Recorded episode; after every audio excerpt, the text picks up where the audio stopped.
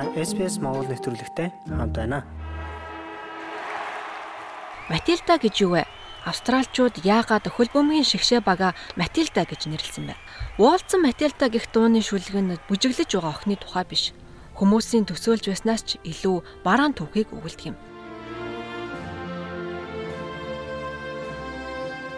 Австралийн хөл бөмбөгийн эмэгтэй шигшээ багийг 1978 онд байгуулсан. Гэхдээ тэр үед албан ёсоор нэр оноогоогүй байсан юм.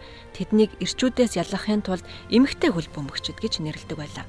Тэд бараг л мөнгөгүй, үндэсний хэмжээний дэмжлэггүй байсан бөгөөд 1990-ад оны сүүл хүртэл багийн хувьд байдал энэ хэвээрээ байсан юм. Харин 1995 онд тэд дэлхийн авраг шалгаруулах тэмцээнд анх удаа оролцох эрхээ авах үед тэдэнд зохиох нэрийн нөгч брэнд бий болгон хөгжөөн дэмжигчдийн оролцоог нэмэгдүүлж ивент тэтгэгч олох төлөвлөгөө боловсруулжээ. Ингээд нэр өхөөрүүлж бүх нийтээр нэрний сонголтыг явууллаа. Тухайн үед SBS-ийн явуулдаг байсан On the Ball нэртэй хөл бөмбөгийн сувгаараа дамжуулан санал асуулга явуулж сонсогчд 25 центийн төлбөр төлж шинэ нэр сонгоход оролцсон юм.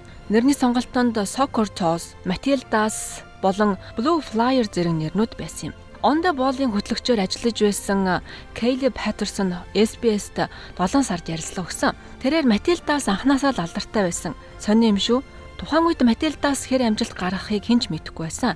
Энэ санал асуулга бүхэлдээ тэдний дүр төрхийг тодорхойлохыг хичээсэн юм хэмээн ярьсан юм а. Тоглогчид Австралийн шигшээ баг тоглохын тулд өөрсдөөсөө мөнгө төлдөг байсан бөгөөд холбоонд ямар ч мөнгөгүй байсан юм а. Ингээд тэд олноос хамгийн олон санал авсан Матилдас гэдэг нэрээрээ 1995 онд Шведэд болсон дэлхийн авраг шалгаруулах тэмцээнд анх удаа оролцсон ч нэг ч хожил авч чадаагүй. Тэд хэсгийн шатанд Дайн, Хятад, Америк нэгдсэн улсын багуудад хожигдож нутаг бутсан юм. Австралийн спортын ертөнцид Матилда хэмээх нэрийг анх удаа хэрэглэсэн нь энэ биш байлаа. 1982 онд Брисбен хотод болсон хамтын нөхөрлөлийн орнуудын спортын наадмын албан ёсны бэлэг тэмдэг нь Матилдас гэдэг нэртэй нэг нүдэ эрмэж байгаа кенгуру байсан юм. Тэгвэл Матилда гэдэг ямар утгатай нэр вэ? Энэ нэр нь AB Банжо Петерсоны 1895 онд бичсэн Уолтсон Матилда гэдэг шүлэгнээс гаралтай юм. Энэ нь нэгэн явган аялаж яваа хүний тухай бөгөөд тэр хүн урт саваа модонд өөрийн эд зүйлсээ бэхлэн үүрч явдаг байжээ. Үүнийг нь Матилда гэж нэрлэдэг байж. Нөгөө хоёр галын дэргэд аяг цай чанд суугаад ойролцох тосгоноос хулгаалсан хониороо хоол идэж байгаад малчин болон 3 цагдаад хонь хулгаалсан хэрэгээр баригджээ. Ингээд цөөрөмд үсэрч амиа ивгэтгсэн юм.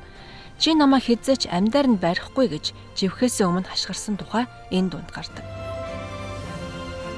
Энэ шүлгэнд Кристина Макферсон ая хийсэн бөгөөд ихэвчлэн дуу хэлбэрээр хүмүүс сайн мэднэ. Харин 1903 онд Mary Cowan дууны зарим үгийг өөрчилж аяыг шинэ хувилбараар бичснээр цайны брендийн сурталчилгаанд ашиглагдсан юм. Ковны найруулсан Walton Matilda-гийн хамгийн алдартай хувилбар болж одоо энэ хэлбэрээр олон танигдсан. Цаг хугацааны явцад энэ дуу олон хүнд хүрч бүр ардын дуу мэт үнэлэгдэх болсон юм. Дуунд гарч байгаа түүхийг хүмүүс янз бүрээр тайлбарладаг.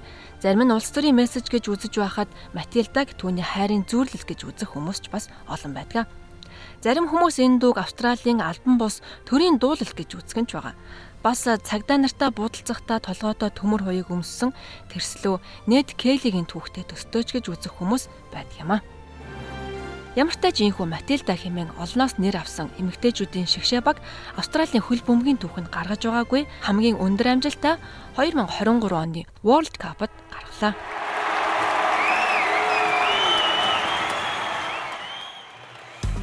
SPS Монгол хэлээр бидний нэвтрүүлгийг Facebook сошиал хуудасаар бусдаа хуваалцаарай.